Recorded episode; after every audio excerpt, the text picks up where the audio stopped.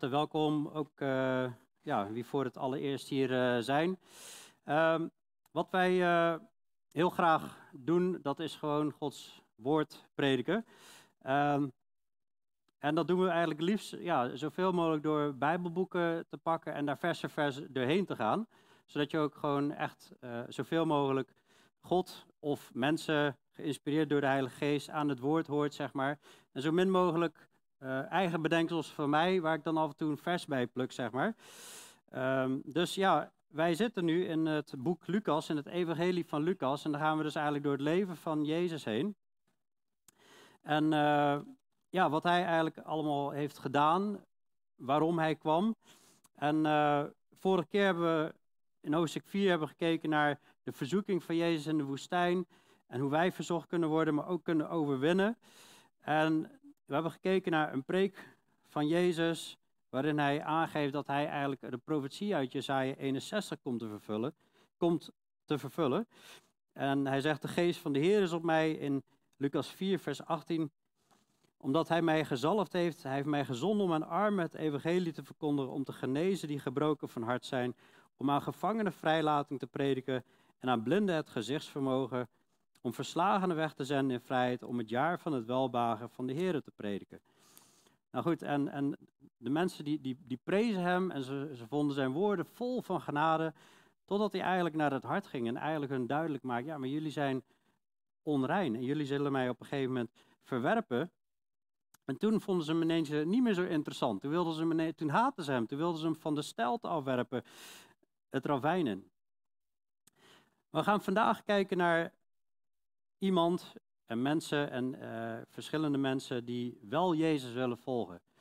En we zongen net in zo'n lied van I Surrender. En ik hoop ook echt dat dat uh, bij ons allen zo mag zijn dat we na het horen van dit verhaal, dat we ons mogen overgeven aan de Heer, zoals deze mensen ook doen. En dat we daarvan mogen leren. Maar ik wil graag nog een keer bidden. Hemelse Vader, Heer Jezus, open onze ogen en ons hart, Heer, als we uw woord lezen. Wilt u mij alstublieft uh, juiste woorden geven, Heer, en uh, dat ik niet in de weg sta, Heer. En wilt u geven ja, dat we vervuld mogen worden met geloof, met liefde, met ontzag, met dat waar u toe in staat bent, Heer. En uh, ja, dat we ja, vervuld met uw geest gewoon straks weer op pad mogen gaan en, en uw getuigen mogen zijn. Dit vraag ik zo in Jezus' naam. Amen. In hoofdstuk 5, uh, ehm, daar begint, ja laat ik het gewoon lezen, hoofdstuk 5 vers 1 tot en met uh, eh, 11 eerst. Het gebeurde nu, toen de menigte op hem aandrong om het woord van God te horen, dat hij bij het meer Genezeret stond. En hij zag twee schepen aan de oever van het meer liggen, en de vissers waren eruit gegaan en spoelden de netten. Hij ging aan boord van een van die schepen, dat van Simon was en vroeg hem een eindje van het land af te varen. En hij ging zitten en onderwees de menigte vanuit het schip. Toen hij ophield met spreken, zei hij tegen Simon: Vaar naar het diepe gedeelte en werp uw netten uit om te vangen. Maar Simon antwoordde en zei tegen hem: Meester, wij hebben heel de nacht gewerkt en niets gevangen. Maar op uw woord zal ik het net uitwerpen.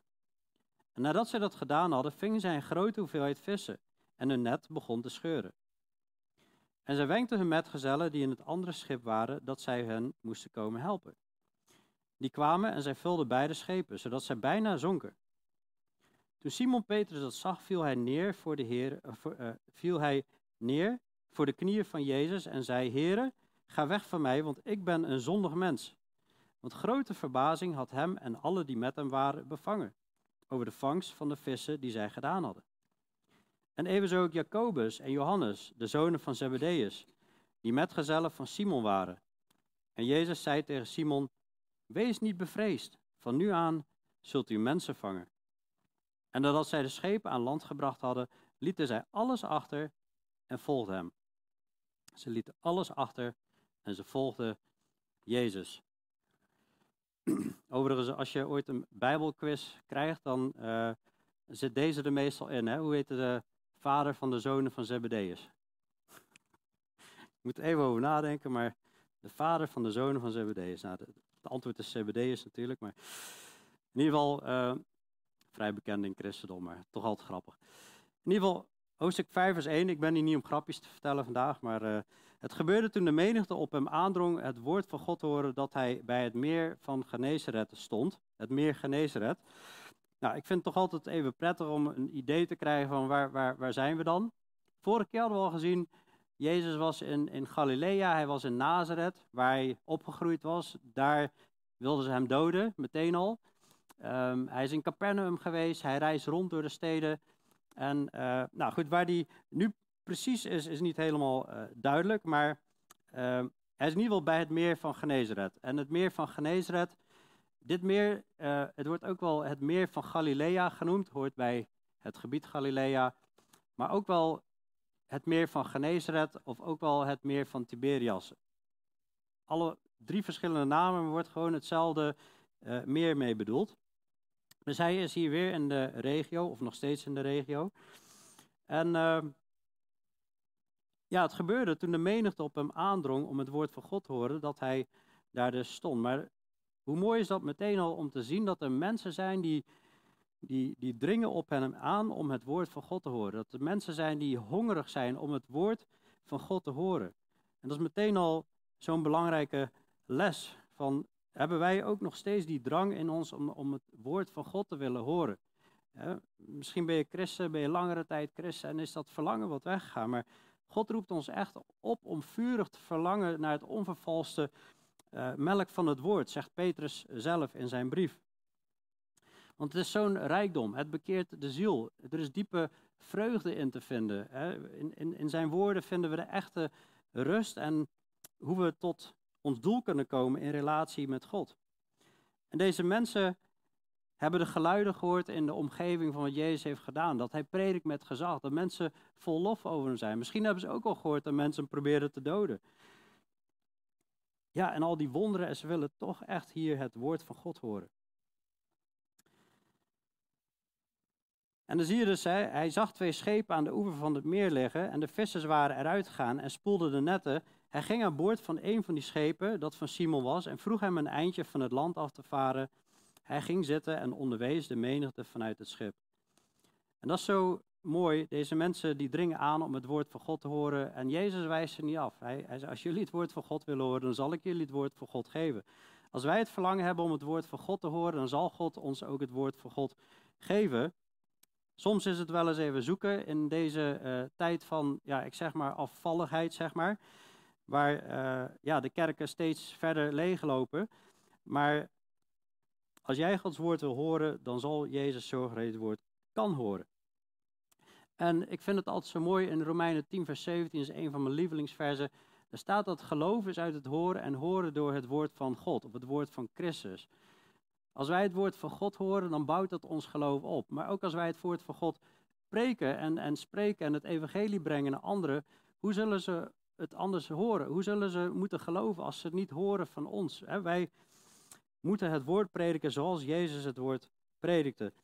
En we hadden ook gezien in hoofdstuk 4, op het einde, vers 43, daar zei Jezus tegen de mensen, ik moet ook andere steden het evangelie van het koninkrijk van God verkondigen, want daarvoor ben ik uitgezonden. Jezus' doel was om het evangelie van het koninkrijk van God te verkondigen. Hoe mensen gered kunnen worden, hoe ze in, in relatie met God kunnen komen. En ja, uiteindelijk is de boodschap dat hij zal sterven voor de mensen, om ze eeuwig leven te geven. En dat is een geweldige boodschap. Wat hij verder precies gepredikt heeft, dat weten we niet. Ja, er staat hier, hij ging aan boord van een van die schepen, hoofdstuk 5 vers 3, dat van Simon was en vroeg hem een eindje van het land af te varen. En hij ging zitten en onderwees de menigte vanuit het schip. Toen hij ophield met spreken, zei hij tegen Simon: Vaar naar het diepe gedeelte en werp uw net uit om te vangen. Het doel waarom Lucas dit gedeelte schrijft, lijkt niet zozeer te zijn om de prediking zelf, maar om wat er daarna gebeurde. En, en, en over wat er hier precies gebeurt. Wat Jezus gepredikt heeft, dat, dat hier op dit moment weten we niet precies. Het evangelie zal hij verteld hebben. Maar het kan zijn, zoals we in Lucas 6 zullen gaan zien, daar gaat Jezus wel in op een, een hele, daar gaat Lucas wel in op een hele preek van Jezus. En dan heb je de zaligsprekingen. En dan gaat Jezus onderwijzen over dat we onze vijanden lief moeten hebben. En over de splinter en de balk en de boom en zijn vruchten en de wijze en de dwazenbouwer. Bekende verhalen binnen christendom. Maar het is bijzonder hè, dat we allereerst zien, Jezus laat zien waarvoor hij gekomen is. Dat is Gods woord preken. Er zijn mensen die hebben het verlangen om Gods woord te horen. En hij geeft hun het woord van God. Het volgende bijzondere wat we hieruit kunnen leren is dat je leest er bijna overheen, maar Petrus die stelt zijn bezit eigenlijk ter beschikking. Jezus zag twee schepen aan de oever van het meer, vers 2. En de vissers waren eruit gegaan en spoelden de netten. Hij ging aan boord van een van die schepen, dat van Simon was, en vroeg hem een eindje van het land af te varen. En hij ging zitten en onderwees de menigte vanuit het schip. Nou ja, goed. Hij gaat aan boord en, en, en Peter stelt zijn schip ter beschikking.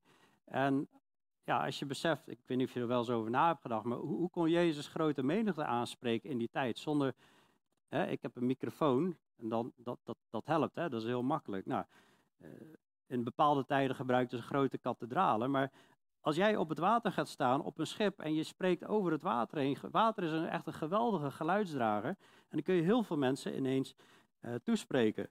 Dus misschien nog een idee voor als we gaan evangeliseren, om een keer op het water uh, te gaan. Maar, maar goed, in ieder geval, uh, Petrus die stelt zijn boot wel even ter beschikking. En dat is ook een vraag gewoon van, ja, zijn wij bereid? Petrus was al een bekende van Jezus. Hè? Dit, dit, dit lijkt op de allereerste roeping. Maar dat is eigenlijk niet zo. In Matthäus en Marcus zie je dat Jezus langskomt, dan zijn ze aan het vissen en dan roept hij ze en dan gaan ze mee. Hier zie je een andere situatie. Hier zijn ze klaar met uh, vissen. En, en uit het vorige hoofdstuk weten we al dat Jezus Petrus kende, want hij heeft zijn schoonmoeder heeft hij genezen van hoge koorts. Dus Petrus was al een bekende van Jezus. Hij heeft al de krachtige werking van genezing gezien van Jezus. En ja, wanneer Jezus hem vraagt, wil jij je boot ter beschikking stellen? Er is niet eens een discussie over, hij doet dat gelijk. En dat is ook een les, zijn wij bereid onze middelen ter beschikking te stellen aan God, zodat het woord van God gepredikt kan worden. Hij, staat, ging aan boord van een van die schepen, dat van Simon was. Hij vroeg hem een eindje van het land af te varen en hij ging zitten en onderwees de menigte vanuit het schip. Simon had ook kunnen zeggen, ja sorry heer, maar we zijn het eind van de dag. Het was een hele lange nacht, we hebben niks gevangen.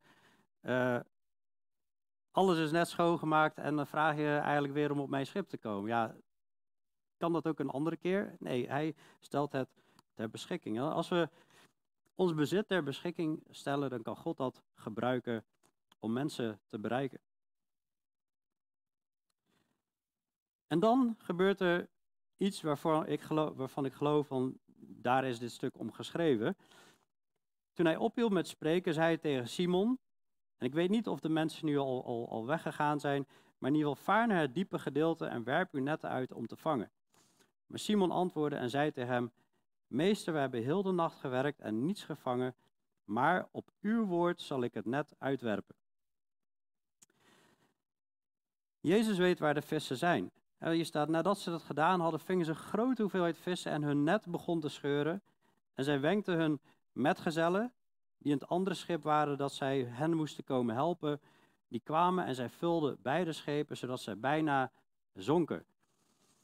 Nou, die boten, ja, er, staan, er staat hier schepen. Bij, bij een schip, dan denk ik echt aan een hele grote boot. Maar goed, dit soort visserschepen, ja, die schenen een beetje zo groot als podium te zijn, of een meter of acht, uh, negen. En uh, nou, er moesten acht of negen man aan boord kunnen om al die netten goed aan boord te kunnen krijgen. Maar dat is een behoorlijke hoeveelheid vis. En ze hebben de hele nacht gevist. De hele nacht. En ik, ik, nou, ik heb me laten vertellen dat, dat in ieder geval de vissen normaal in de nacht in het ondiepere gedeelte zitten. En zij moeten nu naar het diepere gedeelte gaan. Daarnaast is het ook nog zo dat Petrus is een ervaren visser. En, en, en Jezus, hè, die, Nou, als je kijkt in, in Marcus 6, ik heb vorige keer al gezegd, hè, van, waarschijnlijk was hij een timmerman, opgeleid door zijn vader die een timmerman was. Maar ook in Marcus 6, vers 3, daar zie je dat mensen zeggen, is dit niet de timmerman? De zoon van Maria en de broer van Jacobus en Jozef en van Judas en Simon. De mensen zeggen, is dit niet de timmerman? Dus hij stond blijkbaar bekend als een timmerman.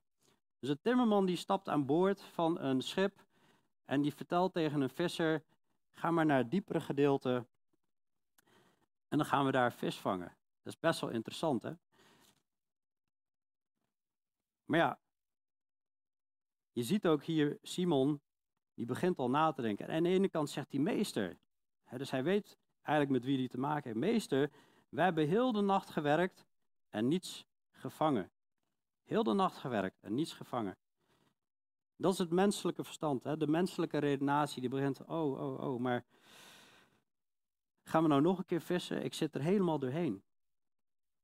Maar misschien schoot ineens hem wel in gedachten, oh, maar wacht even, maar hij heeft ook mijn schoonmoeder genezen. Hij heeft een hoge, een hoge koorts heeft hij bestraft.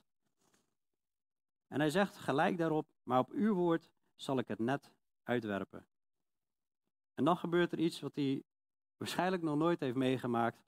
En dat zie je ook in vers 9, dat grote verbazing had hem en alle die met hem waren bevangen over de vangst van de vissen die zij gedaan hadden. En dus dit, dit, dit lijkt niet alsof ze dit vaker meemaken. ik geloof echt hier dat Jezus die vissen roept, hij brengt ze bijeen in die netten. Hij weet waar die, waar die vissen zijn. En het zijn er zo ongelooflijk veel. Dit lijken ze niet eerder mee, eh, te hebben gemaakt, anders is er niet zo'n grote verbazing. Hun netten scheuren bijna. die boten die lopen bijna vol met, uh, vol met water. Ze, staat in vers 7 op het eind, zodat zij bijna zonken. Dit is een ongelooflijk wonder. Petrus is gehoorzaam en Jezus kan hier eigenlijk iets aan hem laten zien waar hij toe in staat is. Dat hij, we wisten al, hij heeft macht over de demonen. Hij heeft macht over ziekte. Maar hij laat nu zelfs zien, ik heb ook macht over de dieren. Het is de, dezelfde God die hier op aarde wandelt als de God die een grote vis naar Jona toe liet komen. En dit is ook niet het enige moment dat er een wonderbare visvangst is. Want nadat Jezus is opgestaan uit de dood, in Johannes, het laatste hoofdstuk, daar zie je nog een wonderbare visvangst.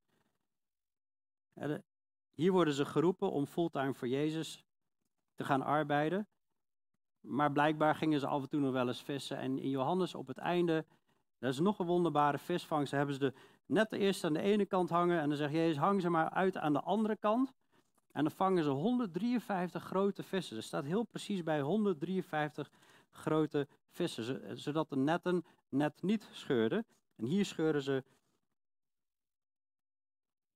hier, hier, beginnen ze uh, wel te scheuren. Maar ik vind het bijzonder als, als ja, je gehoorzaam bent aan, aan de Heer Jezus. Je weet niet wat Hij ineens kan doen. En moeten we nou uit dit stuk leren dat, ja, Jezus die brengt welvaart. Dit is, als jij Jezus gaat volgen, dan zal Hij je zegenen met heel veel visvangst en heel veel rijkdom. En nou, Hij kan best wel wonderen doen op bepaalde momenten. Dat geloof ik zeker. En ik heb het zelf meegemaakt in de economische uh, crisis. Dat begon rond 2007. Uh, het heeft zo'n 7, 8 jaar geduurd dat ik in de, in de bouw werkte. En die crisis was een paar jaar bezig en het ene bouwbedrijf na het andere bouwbedrijf viel om. En het werd, als je in de bouw zat, en ik zat in de bouw, dat, het begon best wel spannend te worden. Want ja, hoe lang zal het duren tot ons bedrijf om gaat vallen? Het bedrijf waar ik toen werkte. En op een gegeven moment, ik was bezig met een project en het project kwam op zijn einde. En ik wist, ja, hierna hebben ze geen projecten meer. Ze hebben geen nieuwe projecten binnengehaald. Dus wat ga ik dan doen? En toen, uh, ja, dan ga je toch al denken, ja, misschien, misschien word ik ontslagen. Maar goed, de Heer zal voorzien. Maar toen hebben ze gezegd van, wil jij misschien aan het acquisitiefront komen werken? Dat is eigenlijk, uh, ja, hoe leg ik dat aan de kinderen uit? Waar je zorgt dat er weer nieuwe projecten binnenkomen voor het bedrijf. Je gaat het bedrijf helpen nieuwe projecten binnen te halen. En uh, ja, ik ben daar gewoon gaan, gaan bidden. Heren, wilt u alstublieft ons helpen? Wilt u uh, ja, het, het, werk van mijn handen zegenen? Ik, ik, ik, ben maar, ik zie mezelf maar als een eenvoudig iemand, maar we hebben vier projecten, heb ik in een jaar tijd aan vier projecten mogen werken, aan de acquisitie. En dat waren niet kleine projecten, we hebben het echt over miljoenen projecten. Schoolcomplexen, eh, sportcomplexen. En uh, de vier projecten waar ik mee bezig was, zeg maar, hebben we alle vier binnen mogen halen. En, en dat is echt niet om, om mezelf op de schouder te kloppen, maar ik geloof dat daar echt met zo'n situatie als hier te maken hebben dat als God dat ineens doet, dan doet hij dat. Het is, er is helemaal geen eer aan Petrus te halen hier, er is helemaal geen eer aan Philip te halen, maar als God op een bepaald moment wil zegenen, dan kan hij zegenen. Maar dat wil niet zeggen dat de apostelen ook armoede hebben meegemaakt op momenten en moeilijke tijden als een beproeving. Maar de uiteindelijke les is hier ook een geestelijke les. Dat zoals Jezus hier deze vissen naar die netten toe roept, zo kan God ook hun straks gaan gebruiken om vissers van mensen te worden. En gaat God, die gaat allemaal mensen naar zich toe trekken, maar hij gaat hun daarvoor gebruiken. Dat is uiteindelijk de kennenles. En tegelijkertijd zie je hier echt de voorzienigheid van de Heer in. Dat hij macht heeft over de schepping.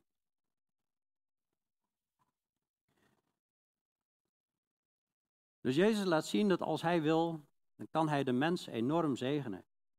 Maar je ziet wel, eerst vraagt hij iets aan Petrus. En in Petrus' ogen, als ervaren visserman en Jezus de timmerman, lijkt het misschien belachelijk dat Jezus ineens de kapitein van zijn schip wordt. Maar als schepper van hemel en aarde, die naar de aarde komt, weet hij het beter dan wie dan ook waar de vis is. En dan zie je dat diepe ontzag zie je bij Petrus. In vers 8. Toen Simon Petrus dat zag, viel hij neer voor de knieën van Jezus en zei: Heere, ga weg van mij, want ik ben een zondig mens. Want grote verbazing had hem en alle die met hem waren bevangen over de vangst van de vissen die zij gedaan hadden. Evenzo ook Jacobus en Johannes, de zonen van Zebedeus, die metgezellen van Simon waren. Ineens overvalt Petrus iets en ik probeer me, ja, als ik die verhalen lees, ik, ik, ik probeer me altijd in te leven in, in zo'n situatie. Zeg maar, stel je was er echt bij en je zit op, op één boot en je vangt zoveel vis dat je zegt, dit is zoveel, kunnen jullie alsjeblieft komen helpen? Hij roept zijn maten, zeg maar, en dan komen ze helpen en ze hebben zoveel vis, die boten beginnen bijna te zinken. Wat moet hij gedacht hebben van, wow, hier kan ik maanden of misschien, misschien wel een jaar, of eh, ik weet, geen idee, maar hier kan ik zo lang van eten. Dit is bovennatuurlijk. En ineens overvalt hem een moment van, alsof hij beseft dat dit is Gods heerlijkheid, dit is Gods glorie, dit is, dit is God, dit is echt de Messias. En het is Simon Petrus die later ook zegt, u bent de Christus, u bent de Zoon van de levende God. Maar wat gebeurt er dan op het moment dat hij echt beseft, hij heeft hem al meester genoemd, maar hij zegt nu, Heere, ga weg van mij, want ik ben een zondig mens. Hij beseft, nee, deze persoon die hier op aarde is, die is heilig. Hij is God. Hij doet wonderen die geen mens ooit heeft gedaan. Dit is de Messias, ga weg van mij, want ik ben een zondig mens. En God kent de harten van de mensen. En je zou kunnen denken, God, we weten allemaal, eh, als je de Bijbel helemaal leest, God gaat zonder oordelen. Eh, en serieus, er is een eindoordeel voor de troon van God. En Jezus had hij kunnen zeggen, inderdaad. Petrus, jij bent een ongelooflijk zondig mens. Jouw hart is gewoon compleet verdorven. Ik ken elke gedachte van je hart. Wat ben jij een misbaksel? En jij bent totaal onbruikbaar. Want als ik jou zou gebruiken, jij bent echt zo'n mannetje die mij drie keer zou verloochenen. Jij bent echt zo iemand die later, als Paulus er is, hypocriet zich gaat gedragen, zoals je in de gelaten brief leest. Dat had Jezus kunnen zeggen. En alle zonden uit je jeugd. En alle zonden uit het verleden. Ik heb je wonder laten zien, maar ik wil je totaal niet gebruiken. Dat had Jezus kunnen zeggen, want jij bent vol zonde en zonde kan niet bij God komen. Dat had hij kunnen zeggen. Maar wat doet hij? Wat doet Jezus? Wanneer die grote verbazing over hen is gevallen. Wanneer Petrus neervalt voor de knieën van Jezus en ze zegt: Heer, ga weg van mij, want ik ben een zondig mens. Wat doet hij? Hij zegt: Wees niet bevreesd, Petrus, Simon. Van nu aan zult u mensen vangen. Wees niet bevreesd. Jezus kwam natuurlijk naar de aarde om de zonde van mensen te vergeven. Zijn doel was om te sterven aan het kruis. En hoewel dat hier allemaal niet staat omschreven, weten we natuurlijk uit zijn verdere onderwijs, weten we natuurlijk uit het verdere onderwijs uit de brieven van de apostelen, dat wanneer iemand zich vernedert, is, het is Petrus zelf die dat zegt, verneder u onder de krachtige hand van God. God keert zich tegen de hoogmoedige, maar de nederige schenkt hij genade. Wat doet Petrus hier? Hij valt neer voor de knieën van Jezus. En dat is een aanbiddingshouding. Hij erkent hem als Heer. En ieder die met zijn mond de Heer Jezus zal beleiden, met zijn hart geloven dat God hem uit de doden heeft opgewekt, en die zal zalig worden. Hij beseft dat dit de Messias is. Hij zegt, ga weg van mij, ik ben een zondig mens. Hij erkent zijn zonde. Hij vernedert zich voor hem en God schenkt aan de nederige genade. En dat zie je meteen. Jezus zegt, wees niet bevreesd. Van nu aan zult u mensen vangen. Hij heeft het niet eens over, ja, en nou moeten we eens even gaan uh, praten een uh, paar uur over alles wat jij verkeerd hebt gedaan. Over... Het is vergeven. En hij zegt, uh, dat is wat ik concludeer even vanuit het hele Nieuwe Testament samen. Hè? Van nu aan zult u mensen vangen. Hoe kan God iemand gebruiken die dan nog volop in zijn zonde leeft? Nee, hij wordt vergeven. Hij is vergeven. Van nu aan zult ik ga je zelfs gebruiken. Jezus vergeeft. Hij zegt: wees niet bevreesd. En van nu aan zult u mensen vangen.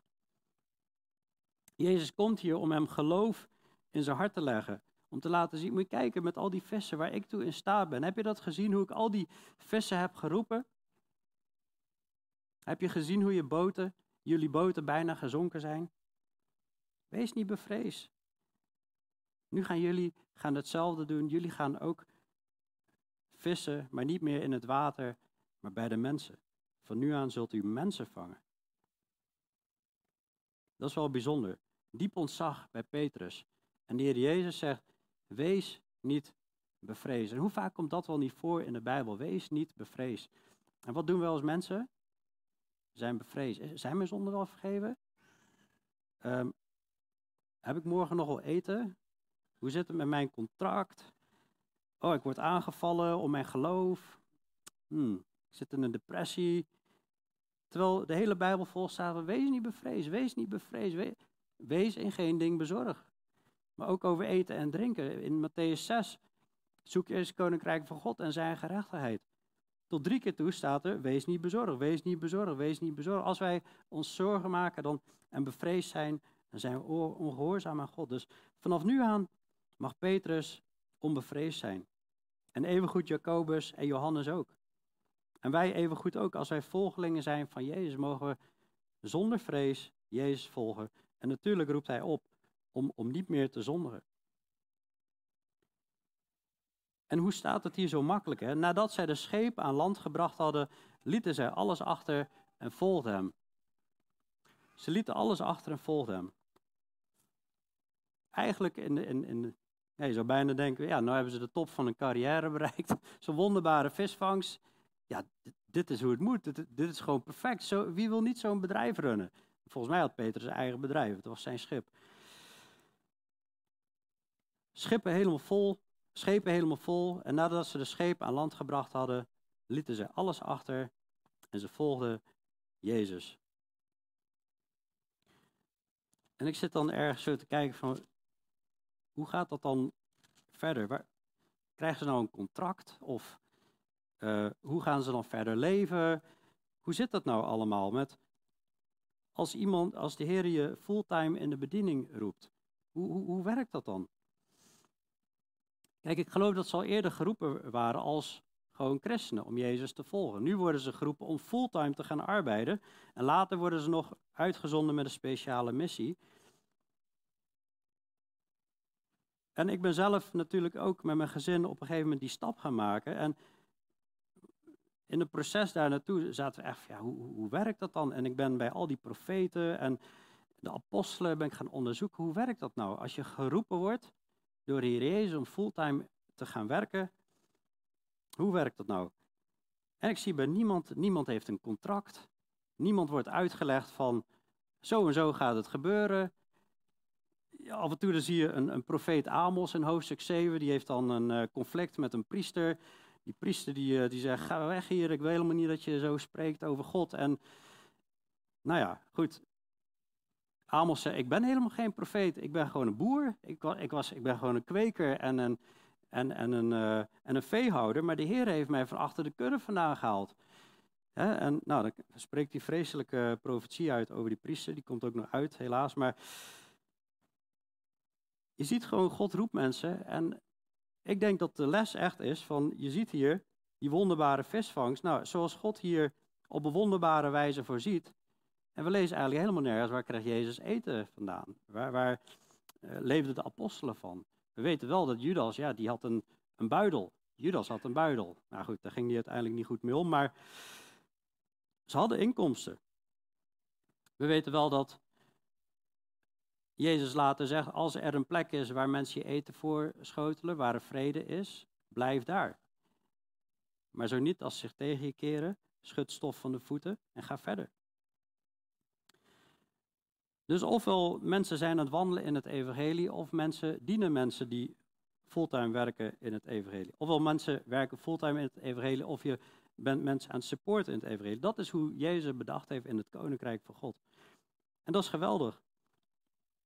En Jezus, eh, Simon spartelt nu niet meer tegen. Hij spartelt nu niet meer tegen van, eh, ja, ja maar. Nee, het is nu meteen op uw woord zal ik het doen. Samen met Jacobus en Johannes, nadat ze de schepen aan land gebracht hadden, lieten ze alles achter en ze volgden Jezus. Nou, de les is sowieso dat wij op dezelfde wijze nu vissers van mensen zijn alleen sommige mensen roept God fulltime in de bediening en sommige mensen niet. Jezus had al in Matthäus en Marcus gezegd, van, ik zal u vis van mensen maken. Hier zegt hij, van nu aan zult u mensen vangen. Nou goed, we hebben zendelingen Steven Gedien, we hebben Daniel, we hebben John en Grace recentelijk hier gehad. Dat zijn allemaal mensen die fulltime uitgezonden zijn om kerken te planten in andere landen en andere plantenkerken in, in Nederland of zijn gewoon fulltime evangelist. Ik wil, ik wil in ieder geval de vraag stellen, kijk, God gebruikt niet iedereen om fulltime in het evangelie te arbeiden. Maar heb je wel eens nagedacht over de vraag van, ben ik bereid, als God mij vraagt, ben ik bereid om fulltime in de bediening te gaan werken? want Jezus volgen betekent sowieso dat je eigenlijk alles opgeeft. Niks wat jij hebt of wat je bent is nog voor jou. Alles geef je over aan Jezus. Dus dan maakt het eigenlijk ook niet uit of je dan voor een baas werkt of fulltime met evangelie gaat werken. Hij is de leidsman, hij is de Heer.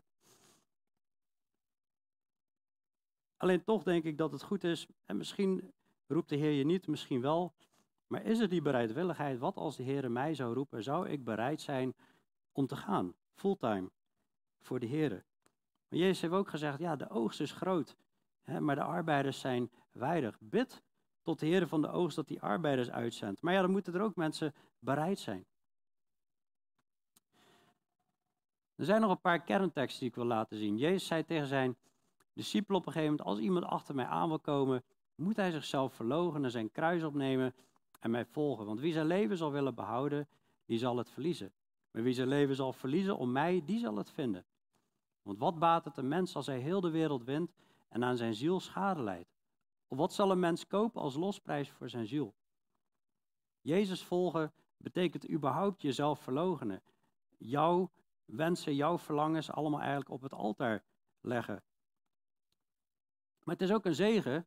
Hè, op een andere plek, daar hebben ze een gesprek en ik val even midden in een situatie, maar op zich is dit los daarvan te begrijpen. Petrus zei tegen Jezus: Zie, wij hebben alles verlaten en wij zijn u gevolgd. En dan zegt Jezus: Voorwaar, ik zeg u, er is niemand die huis of broers of zusters, of vader, of moeder, of vrouw, of kinderen, of akkers, of werk, hè, verlaten heeft omwille van mij en om het evangelie, of hij ontvangt honderdvoudig, nu in deze tijd, huizen en broeders en zusters en moeders en kinderen en akkers met vervolgingen, daar krijg je dan ook bij, en in de wereld die komt het eeuwige leven. Dus je geeft iets op, maar de Heer geeft, als, ja, het kan zijn dat je familie moet opgeven. Het kan zijn dat je ja, Gods werk prioriteit moet stellen boven familie, boven gezin. Maar God geeft er van alles. Hij geeft een hele nieuwe familie ervoor terug. Een heel, heel nieuw gezin. Er komen wel, en, en, ook, en ook gewoon werk. Maar met vervolgingen. Dat krijgen we er ook bij. Maar we zullen zien in Lucas 6, het volgende hoofdstuk, dat wanneer we vervolgd worden, wanneer we uitge, ja, onze naam als slecht behandeld wordt, of al die dingen, en we eigenlijk uitgestoten worden, dat we dan moeten opspringen van vreugde, want zie, uw loon is groot in de hemel. God gaat daarin nog zegenen ook. Maar bovenal, man, we volgen Jezus en we mogen het eeuwige leven hebben. En niet door hem te volgen, dat is uit genade, door het geloven, het eeuwige leven, maar ja, je geeft iets op, maar oh man, je krijgt er zoveel voor terug, is wat Jezus zegt. Jezus is degene die weet hoe het straks hierna eruit gaat zien. En hij zegt van, je krijgt er zoveel voor terug. En ergens zou, zou ik denken van, ja, hier moeten we stoppen, dit moeten we even vasthouden. En toch wil ik nog even de volgende paar versen erbij pakken over die reiniging van de Malaatse man. En ik zou ook zeggen waarom straks, want er is echt een link, geloof ik. Ik wil in ieder geval een link leggen. In vers 12 tot 16, toen Jezus in een van die steden was, gebeurde het. Zie dat er een man vol melaatsheid was. En toen hij Jezus zag, wierp hij zich met gezicht ter aarde en bad hem: Heere, als u wilt, kunt u mij reinigen.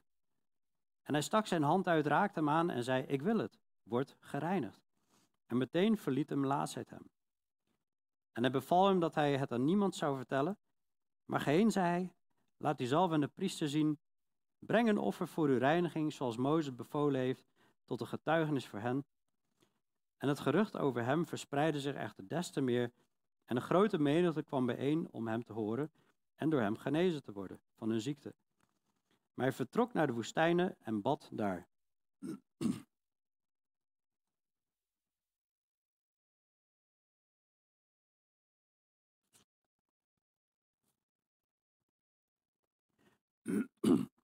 Sowieso die wonderen van Jezus, het legt Johannes uit in Johannes 20, dat die wonderen geschreven zijn hè, en die tekenen, zodat we eh, mogen weten dat Jezus de Zoon van God is.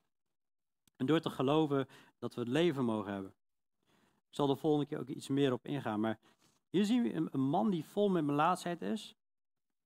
En melaatsheid is een hele nare ziekte. We kennen het tegenwoordig onder de naam lepra.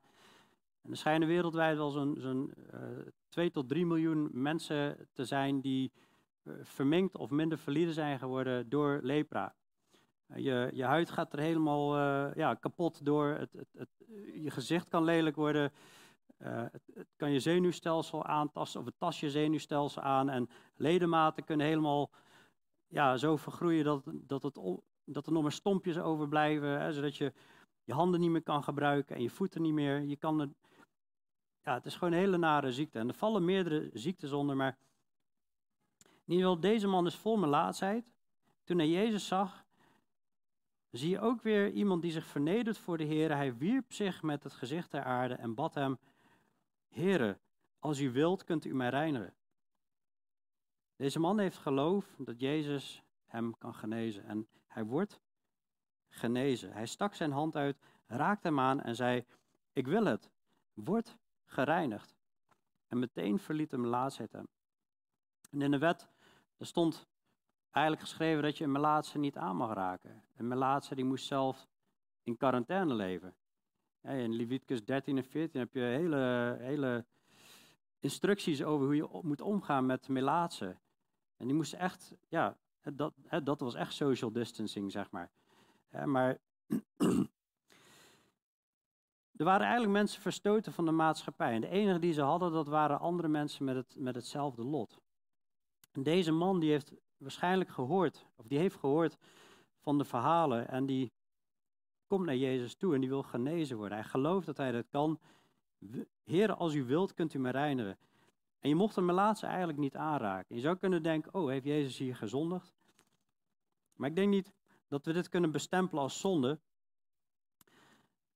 Want Jezus geneest ook op een Sabbat, zullen we in hoofdstuk 6 zien, vers 9. En dan zegt Jezus ook, hij wordt betichtigd van de Sabbat te breken. Maar hij zegt, wat is geoorloofd op de Sabbat? Goed te doen of kwaad te doen? Een mens te behouden of om te laten komen? Die wetten en geboden waren voor bescherming van de mens. Maar als Jezus, die God is, iets beters kan doen dan waar die wet eigenlijk voor bedoeld is, namelijk die man genezen, dan is dat natuurlijk geen zonde. Hij raakt hem aan en meteen is hij genezen. Hij is gereinigd en meteen verliet hem laatst hem. En hij beval hem dat hij het aan niemand zou vertellen. Dat is interessant, hè? Aan niemand vertellen nu. Maar ga heen zei, laat u zelf aan de priester zien en breng een offer voor uw reiniging, zoals Mozes bevolen heeft tot de getuigenis voor hen. En het gerucht over hem verspreidde zich echter des te meer. Deze man heeft niet zijn mond gehouden. Het gerucht over hem verspreidde zich des te meer. Het, lijkt bijna humor, vind ik. Hij beval hem dat hij het aan niemand zou vertellen. Maar ja, misschien heeft die man wel een vrouw en kinderen. En is hij al een paar jaar van ze verstoten. En kan hij eindelijk weer naar huis en zeggen: Vrouw, ik ben genezen. Ik ben genezen door Jezus. En hij kan zijn kinderen weer om, omhelzen. En hoe, hoe moeten die vrouw en kinderen wel niet gereageerd hebben? Die moeten hebben opgesprongen van vreugde dat de hele buurt het hoorde. En de mensen zullen hem overal weer gezien hebben. Hoe kun je dit verzwijgen? Maar waarschijnlijk zegt Jezus dit zodat je niet alleen maar van die sensatietrekkers krijgt, maar deze man kon het niet inhouden. Hij moest, wel naar de, hij moest naar de priester en dan is er een reinigingsproces. En is ook een getuigenis naar die priester, want normaal werd in die tijd eigenlijk niet echt iemand genezen van de melaatsheid. Dat gebeurde zelden. Maar hij werd genezen. En het gerucht over hem verspreidde zich des te meer en een grote menigte kwam bijeen om hem te horen en door hem genezen te worden van hun ziekte. En de link die ik wil leggen met het vorige stuk is dat we hier een man hebben en hem wordt bevolen om. Vertel het aan niemand. Deze man die kan het niet inhouden. Het, het, het, gerucht verspreidt zich overal. Terwijl aan de andere kant roept Jezus op aan ons. Verkondig het evangelie aan alle volken. Doop de mensen in de naam van de Vader, Zoon en Heilige Geest. Leer ze onderhouden alles wat ik u geboden heb. En wat doen heel veel christenen? Heel veel christenen zwijgen. Deze man wordt gezegd niet verder vertellen. En hij lijkt het aan iedereen te vertellen. Wij worden opgeroepen, ga het wel vertellen. Wees vissers van mensen. En wat doen we heel vaak? Is we zwijgen. En dus de oproep is, als wij gered zijn van het eeuwig leven, van het eeuwige oordeel, hoe kunnen we die boodschap voor onszelf houden als onze buren, onze vrienden, onze kennissen en de onbekenden verloren gaan. Deze boodschap moet verkondigd worden. En we eindigen met een laatste zin. Hij vertrok naar de woestijn en bad daar. Jezus doet het ene succesverhaal na het andere, het ene wonder na het andere wonder. Hij heeft geweldige predikingen, mensen luisteren naar hem. Hij wordt ook aangevallen, maar je zou kunnen denken van, hij heeft het zo druk. Heeft hij nog wel tijd om te bidden? En maar hij laat ons heel duidelijk zien dat zijn hele bediening is gebaseerd en wordt aangedreven door het gebed. Jezus gaat continu naar eenzame plaatsen om daar te bidden. Hoewel het er niet bij staat, hebben we al gezien in hoofdstuk 4, vers 42. Toen het dag geworden was, ging hij naar buiten en begaf zich naar een eenzame plaats. En dat gaan we vaker zien. Als Jezus naar een eenzame plaats ging, hij vertrok hier naar de woestijnen en hij ging daar bidden. Jezus was continu in gebed. En ik geloof dat in Gods weg wandelen, christen zijn, kan niet zonder gebed. Dat laat Jezus zien. In ieder geval belangrijke lessen. Ik maak u vissers van mensen. Van nu aan zult u mensen vangen. Wees niet bevreesd. En misschien denk je wel eens van, maar er komen zo weinig mensen tot geloof en we werken er zo hard aan. Je weet het nooit. Petrus met zijn metgezellen hebben een hele nacht hebben ze hard gewerkt, geen vis gevangen. Maar het kan maar zo zijn dat de netten in één keer helemaal vol lopen. Als de Heer Jezus zegt van, en nu gaat het gebeuren, nu gaan de netten vol lopen. En dat zou geweldig zijn als we nog heel veel netten vol zien lopen met mensen die de Heer Jezus leren kennen. Zullen we bidden? Hemelse Vader, Heer Jezus, dank u wel voor de verhalen van wonderen en het geloof wat u, daar, wat u daarmee in ons hart wil leggen. Heer, en soms denk je wel eens, oh, wat is Eindhoven verhard? Oh, wat is de, vings, de visvangst weinig? Maar Heer, als u een wonder doet, Heer, dan het zou het toch geweldig zijn, Heer, als velen tot geloof komen. Wilt u ons vissers van mensen maken? Wilt u ons leren, Heer, waar de vissen zijn en hoe we ze moeten vangen? Misschien moeten we gewoon wel doorgaan op dezelfde manier en gaat u het ineens doen, dat de velen tot geloof komen. Heer, we danken ook voor alle die hier zijn en tot geloof zijn gekomen. Heer, we danken u, Heer, voor wat u al gedaan hebt en voor uw, uw trouw, Heer, die u laat zien in alle tijden. Heer, wat een uh, ja, bemoedigende verhalen dat u zondige mensen wil gebruiken. Mensen die een diep besef hebben van hun zonde op het moment dat ze uw heerlijkheid zien en uw glorie wanneer u wonderen doet. Heer, en in ons hart denk ik dat we allemaal hetzelfde voelen. We zijn zondige mensen. We zijn het niet waard. Ga weg van ons, heren. Maar wat een genade dat u dat helemaal niet wil. Dat u ons wil vergeven, Heer. Dat dat toch. Dat dat geloof in ons harten mag geworteld zijn, Heer. Dat u ons niet wil verwerpen. Maar dat u ons wil aannemen als kinderen en ook nog wil gebruiken. Dat u daarvoor kwam, zodat wij konden dienen in uw koninkrijk. Heer, wilt u ons krachtig gebruiken. We beseffen ook, zonder u kunnen we niks. Zoals ze de hele nacht geen vis konden vangen. Maar als u het doet, Heer, dan is er een wonderbare visvangst. Heer, we danken u voor het feit dat u ook fulltime arbeiders roept. Heer, en daar ook in voorziet. Dat u wonderen doet, Heer. Heer, wilt u zo ook blijven voorzien, Heer. En uh, ja, we danken u voor uw leven, Heer, wat u gegeven hebt, dat u naar de aarde gekomen bent. We danken u dat het zo goed voor ons is opgeschreven, dat we het mogen leren en in geloof aannemen. Heer, wilt u ja, geven dat we er ook mee aan de slag gaan, dat we het praktisch maken. Heer, vul ons met uw geest, Heer, om uw woord te spreken. En met uw liefde. Geef ons de bewogenheid naar andere mensen. Er is zoveel verharding om ons heen. Eh, we zouden er zelf moedeloos van worden soms. En, en ik herken in mijn hart, soms is dat ook zo. Ik word ook moe van de verharding van mensen. Maar alsjeblieft, Heer, wilt u harten zacht maken en wilt u ons de bewogenheid blijven geven om mensen te bereiken. In Jezus' naam. Amen. Amen.